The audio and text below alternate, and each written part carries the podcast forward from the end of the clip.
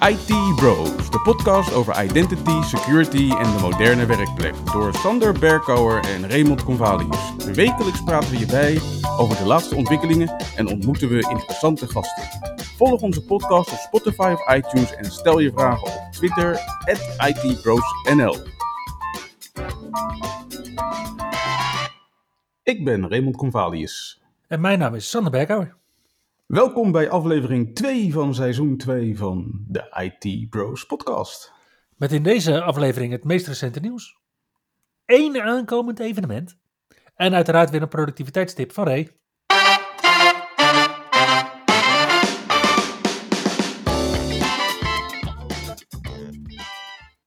Hey Sander, het was weer eens uh, de week van Patch Tuesday. We moeten denk ik niet om de hete brei heen draaien deze aflevering inderdaad.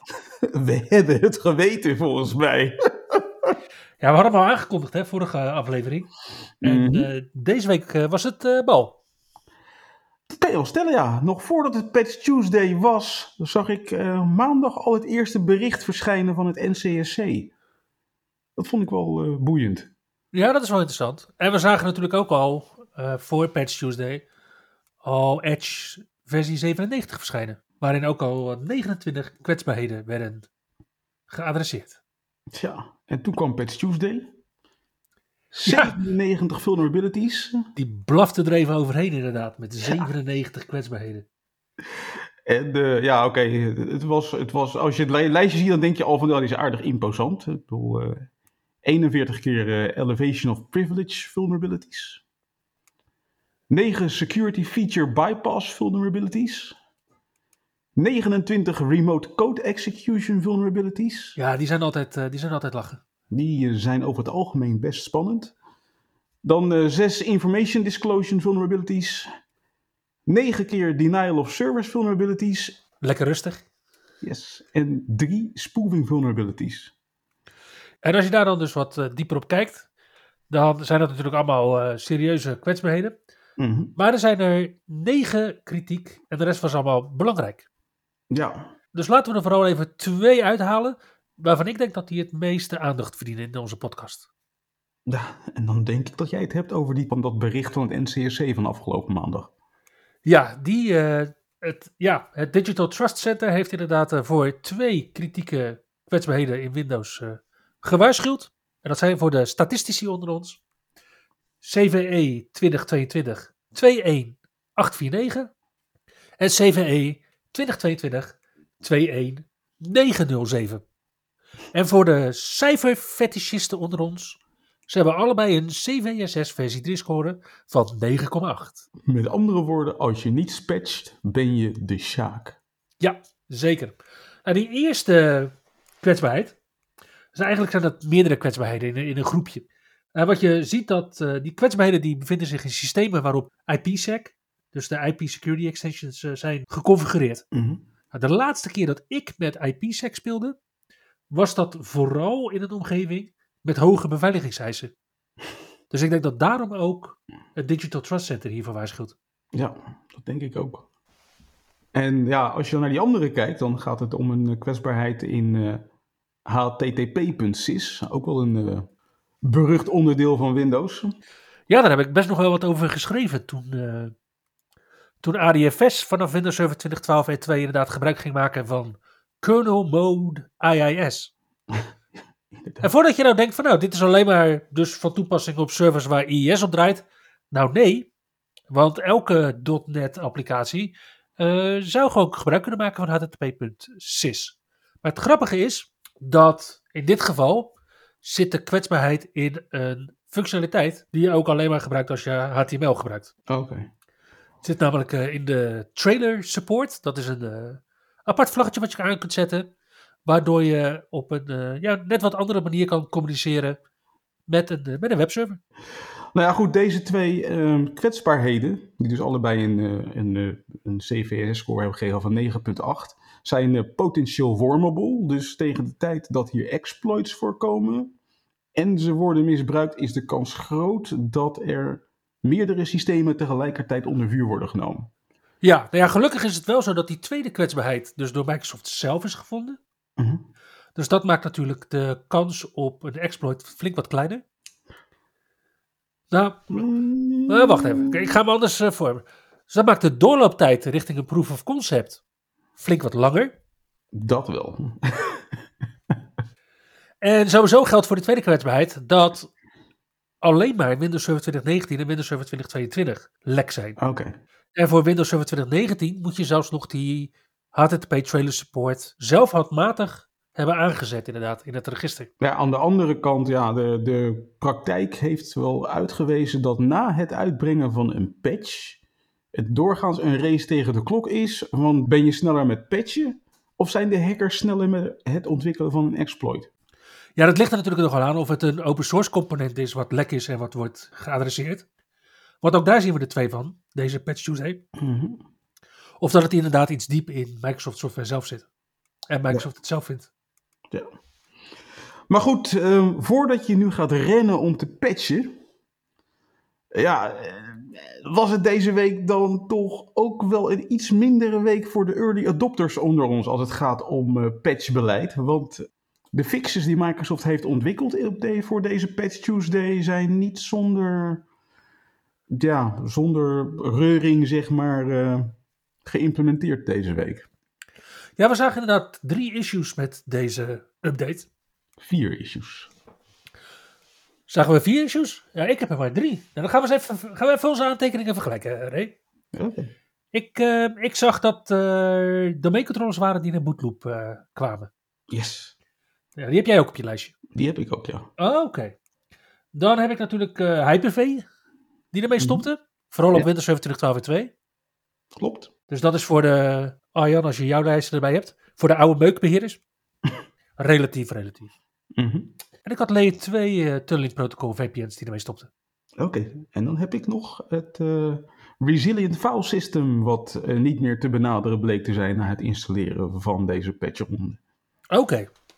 Oké, En die had ik eh, dan gemist. Want wat is daar aan de hand dan, Ray? Na de installatie en de reboot verschenen je REFS-volumes als eh RAW in Windows.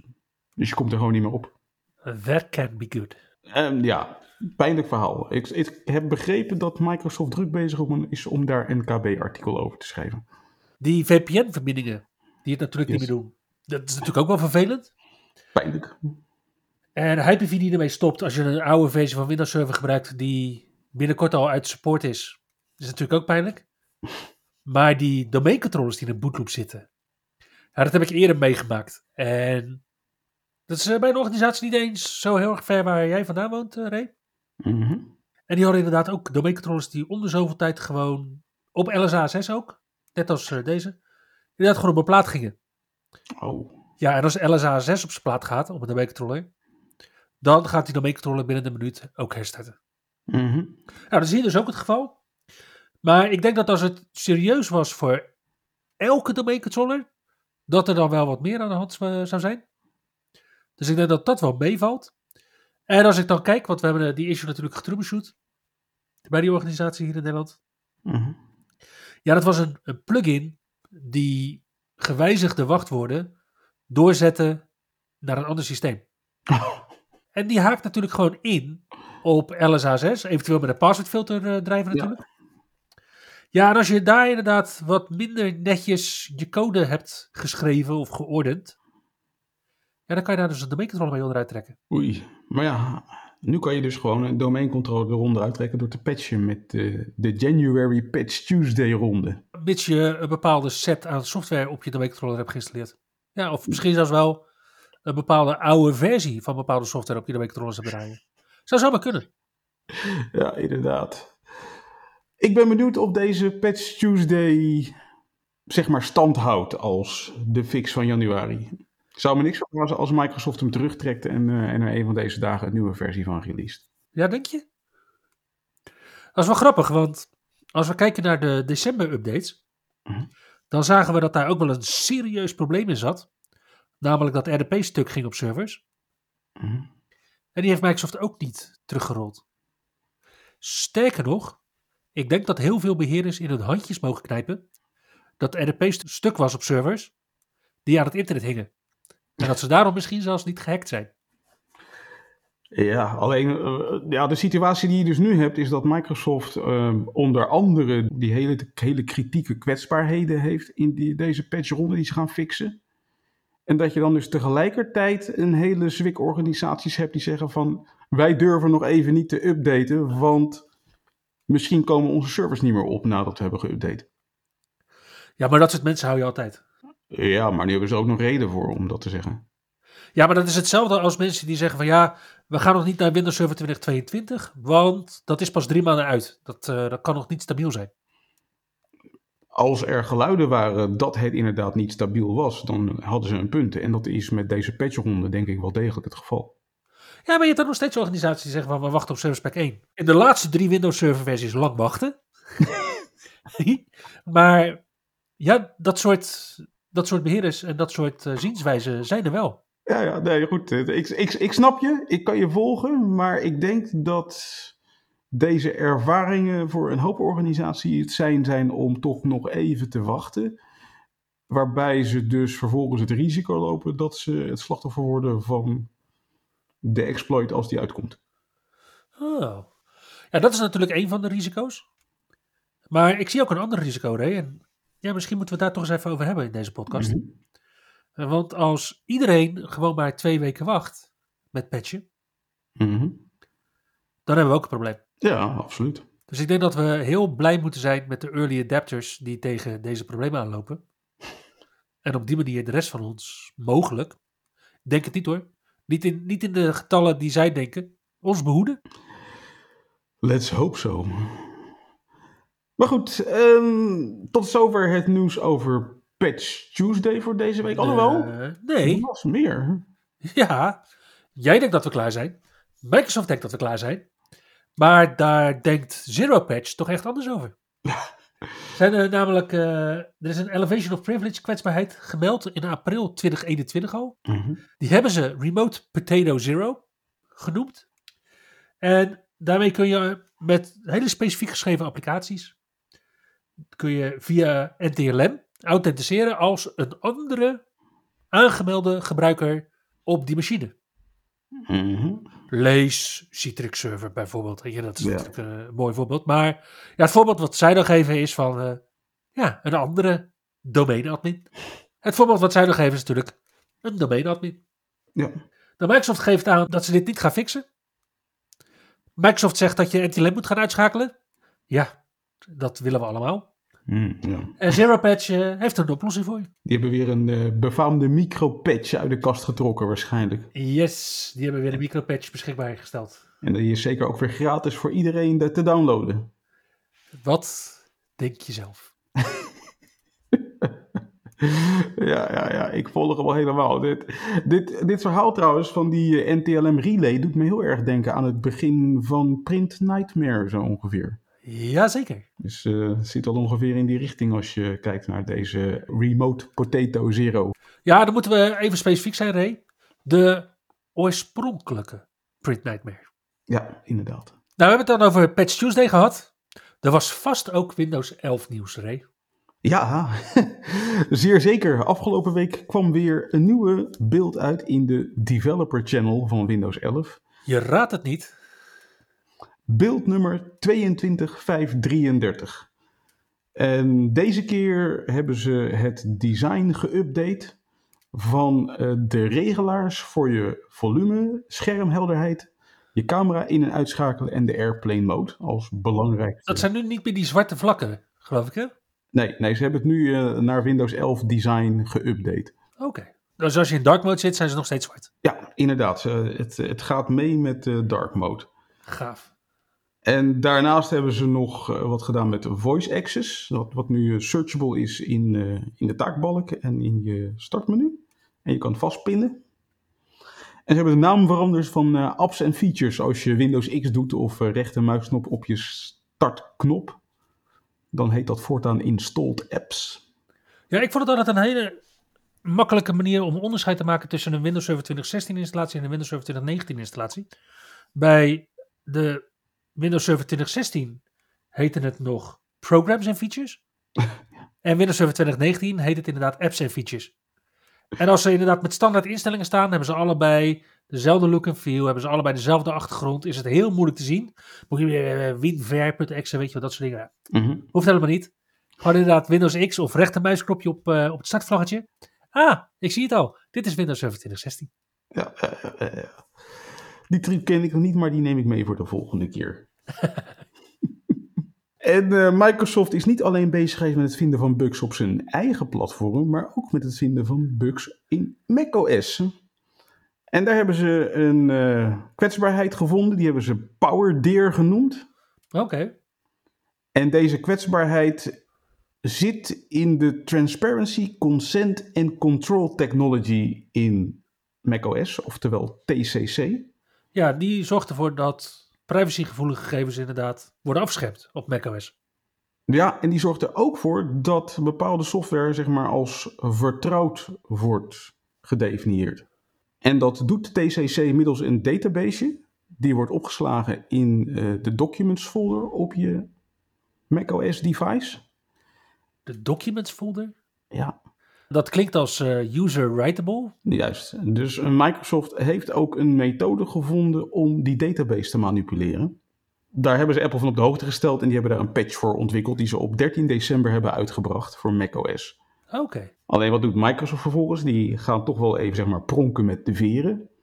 Dus die hebben een eh, uitgebreid blogartikel gepubliceerd onlangs, waarin ze helemaal uit de doeken doen hoe TCC werkt en, en hoe zij de exploit hebben ontwikkeld om zeg maar de kwetsbaarheid in TCC te misbruiken om macOS over te nemen. Ik zou eigenlijk willen dat ze dit ook gingen doen met hun eigen OS. Ja, en hun eigen store apps waar ze dan geen CVE's aan toewijzen als ze kwetsbaar zijn. Ja.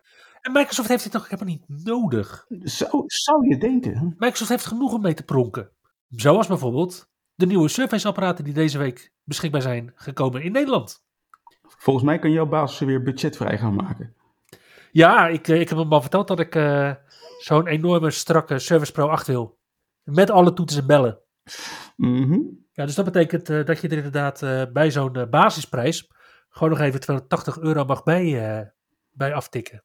Ja, dat zijn Ja. serieuze bedragen. Maar je kan het natuurlijk ook gewoon een beetje rustiger aan doen. Met bijvoorbeeld een Service Go 3 Ja. met LTE. En dat, daar hangt een prijskaartje aan van 779 euro. En ligt er een beetje aan hoe gaaf je het toetsenbord wil.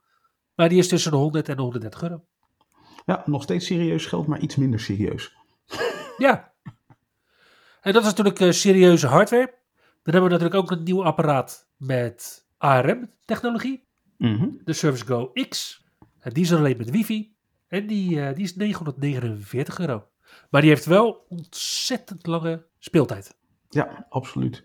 Nou, die Service Go X, die komt over een tijdje trouwens ook beschikbaar met LTE. Dus eh, het is al even wachten, maar op dit moment kan je alleen de wifi-versie bestellen bij Microsoft. Ja, en ik kom ook wel organisaties tegen die zeggen... ja, eigenlijk elke laptop die we bestellen tegenwoordig... die bestellen we met LTE. Dat is gewoon een, die hebben dat als vereiste. Oh, wauw. Die kende ik nog niet. Ja, de, weet je, organisaties als monteurs en, eh, en dat soort jongens, ja, die kunnen, als ze altijd verbonden zijn, natuurlijk eh, veel meer waarde toevoegen. Mhm. Ja, en dan gaan we deze maand ook eh, afscheid nemen van een product, soort van. Ja, ik heb al lang afscheid genomen hoor. ja, ik heb het ook al gezegd. Weet je, ik ga geen nieuwe Windows Server 2016 installaties meer doen. De mainstream support is dinsdag geëindigd van Windows Server 2016. En dan heb ik zoiets van, oké, we hebben nog vijf jaar. All bets are off. Zoek het uit. Ja, maar goed, inmiddels is er toch ook alweer Windows 2019 uit en er is Ja. Windows 2022 uit. Ja, Dus waarom zou je in hemelsnaam nu nog Windows Server 2016 willen installeren? er zijn dus ICT-managers die denken dat ze twee Windows Server versies kunnen overslaan. En daarmee dus spotgoedkoop hun Windows Service kunnen licenseren. Doordat ze maar één keer in de tien jaar licenties hoeven te kopen. Weet je, dat zijn van die organisaties die nu nog proberen van Windows Server 2008 en 2008 en 2 af te komen. Ah ja. Dan heb je natuurlijk ook nog de organisaties die software hebben die alleen maar draait op Windows Server 2016. Mhm. Nou, daar is Microsoft natuurlijk heel erg mee bezig geweest om dat zo klein mogelijk te maken. Ja. Door ook de verschillen tussen de Windows Server versies steeds kleiner te maken. Zodat heel veel software het niet eens kan zien. Mhm. Ja, en dan heb je natuurlijk gewoon de organisaties die IT nog steeds als kostenpost zien. Ja. Ja, dat zijn de, de organisaties waar ik het meestal niet zo lang uithoud. Nee, nee, nee. Die, uh, daar hou ik het meestal ook niet heel lang uit. Ik, bedoel, ik ben ooit een keer weggerend bij een organisatie die dat deed. Uh, Ja. Ik heb ook geen spijt van gehad dat ik ben weggerend. Het is een beetje een giftige omgeving, wordt dat. Precies. En ik denk dat je dat vandaag de dag ook niet kan volhouden als je ziet hoe, hoe snel de ontwikkelingen om ons heen uh, plaatsvinden. Ja, kijk, en Windows Server 2019 en Windows Server 2022 hebben ook heel veel voordelen ten opzichte van Windows Server 2016. Uh, niet in Active Directory, tenminste niet heel veel. Maar bijvoorbeeld wel in de standaard hardening, bijvoorbeeld. Ja. Dus SMB versie 1 staat standaard uit. TLS 1.2 staat standaard aan. Dat soort instellingen. Ja, klopt. Ja, en gewoon uh, het, het, ontbreken van support voor allerlei uh, vergaande glorie-encryptieprotocollen en zo. Wat ooit veiliger werd geacht. Nou, buiten uh, Microsoft hadden, was er ook wel weer een, een leuk nieuwtje rondom de iPhone. Blijkt dat ze bij TikTok een verborgen feature hebben ontdekt. Hè? In de even, even kijken, we hebben het dus niet over een verborgen feature in TikTok. Nee. TikTok heeft een verborgen feature in de iPhone gevonden. Ja. Oké. Okay. En met die hack maak je van je iPhone een afluisterapparaat.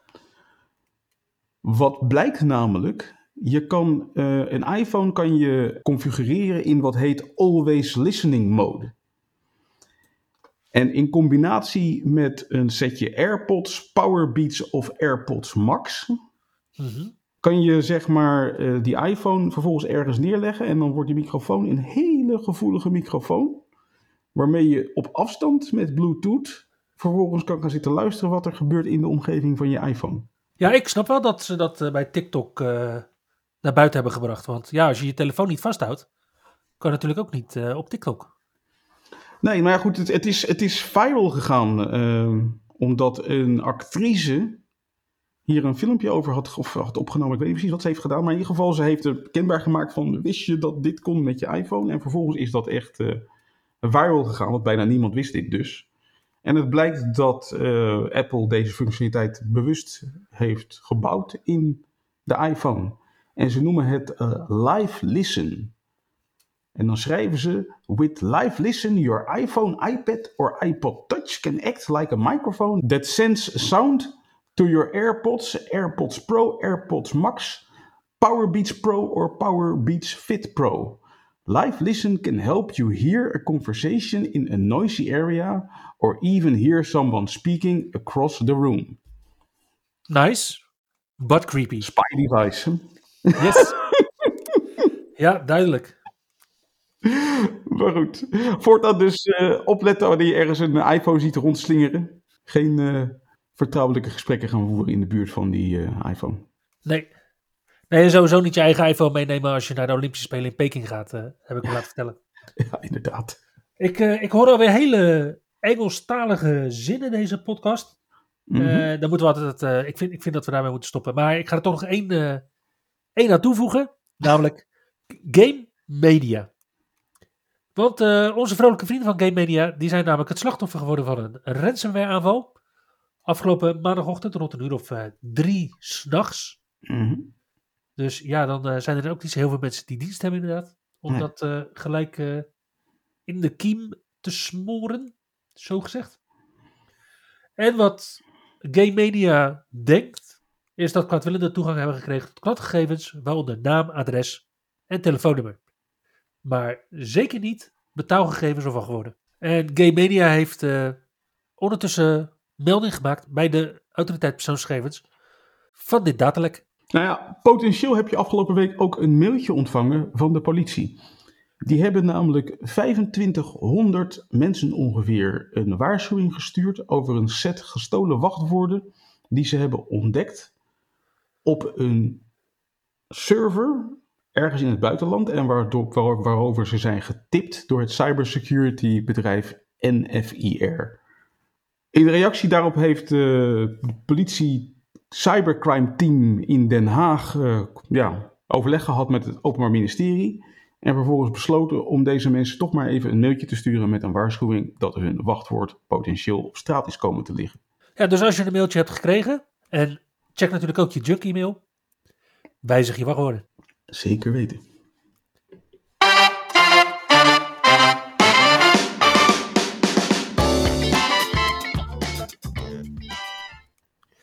We leven nog steeds in een tijd waarin webgebaseerde evenementen de overhand hebben. Ja, Ja, en eigenlijk is dat helemaal niet zo heel interessant. Vooral niet als je deze week eh, nog eh, dik in het patchje zit. Maar er is wel één evenement van Microsoft wat we willen uitlichten. ja.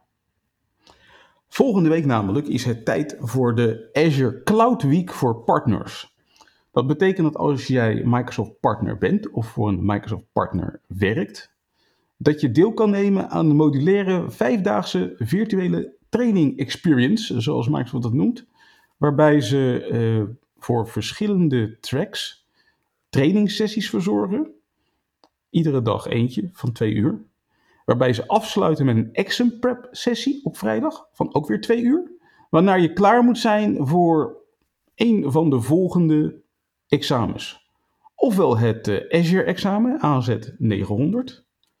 Het eh, Data Platform Fundamentals examen, de DP 900. Het Artificial Intelligence examen, oftewel de AI 900. Of je kan deelnemen aan een van de volgende role-based tracks, waarbij je je bezig gaat houden met eh, Azure Administrator taken, Azure Developer, Azure Security of Azure Networking. En ook voor deze vier tracks kan je dus afronden met een examen en daarna zou je klaar moeten zijn voor het examen. Gaaf. Ja, dat is een mooi steuntje in de rug eh, voor iedereen die eh, inderdaad nog wat wil gaan doen aan zijn examens eh, dit jaar. Ja, nou, dat is een goede start van het nieuwe jaar. Zeker. En ja, daarna dan gaan wij ook aan de slag, hè Sander? Wij gaan drie webinars presenteren. Ja, we gaan drie masterclasses doen met eh, IT University. Yes. Ja, lachen, gieren, brullen. We doen, er, eh, we doen er elke maand één, geloof ik. Hè? Eén in maart, één in april en één in eh, mei. Ja. Bijna elke eerste maandagavond van de maand. Behalve in mei, dan wordt het de tweede. Ja, inderdaad. En dan mogen we ook nog, als het goed is, fysiek weer een keer gaan optreden in april. Ja, wederom bij de KNVI. Waar we een sessie mogen verzorgen op een eh, Super Tuesday evenement. Toch weer Engels, hè? Eh, waarin we aangeven wat de impact is van Windows 11 op jouw organisatie. En als eh, toetje mogen we waarschijnlijk gaan aantreden in Oslo. Yep, in, in juni. was eigenlijk een evenement wat over drie weken plaatsvindt. De Nordic Infrastructure Conference. Maar die hebben ze wijselijk, denk ik ook wel, verzet naar 31 mei tot en met 2 juni. Nou, eh, in de zomer naar Oslo, dat eh, is geen straf. Ja, we zijn natuurlijk eerder eh, in, eh, vooral in januari en februari geweest. Ik kan me nog herinneren dat het sneeuwde en koud was. En Zo, ik heb daar temperaturen meegemaakt, jongen. Oeh. je kan me nog herinneren dat ik met mijn dronken harses op straat echt lang uit in de sneeuw kletterde. Ja, mooi was die tijd. ja, inderdaad. Maar goed, deze, dit jaar dus, 2022, als alles goed gaat, in juni in Oslo.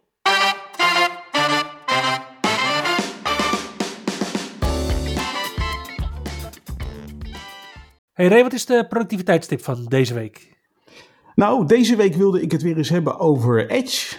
Misschien kan je je nog herinneren dat ik eh, vorig jaar eh, bijzonder enthousiast ben geweest over Edge en Edge profielen. Ja, Zeker als je voor verschillende organisaties werkt en met verschillende Microsoft-accounts of Microsoft Identities aan het werk bent, wil het nog wel eens prettig zijn om te kunnen wisselen tussen verschillende profielen. ja je kan je hele startbalk inderdaad vullen met, eh, met Edge-icoontjes.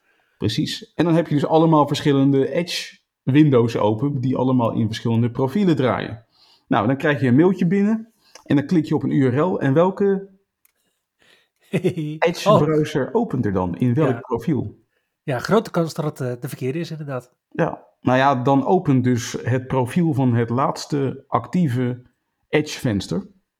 Om daar een nieuw tabblad te openen. Nou ja, en dat kan dus gewoon het verkeerde profiel zijn.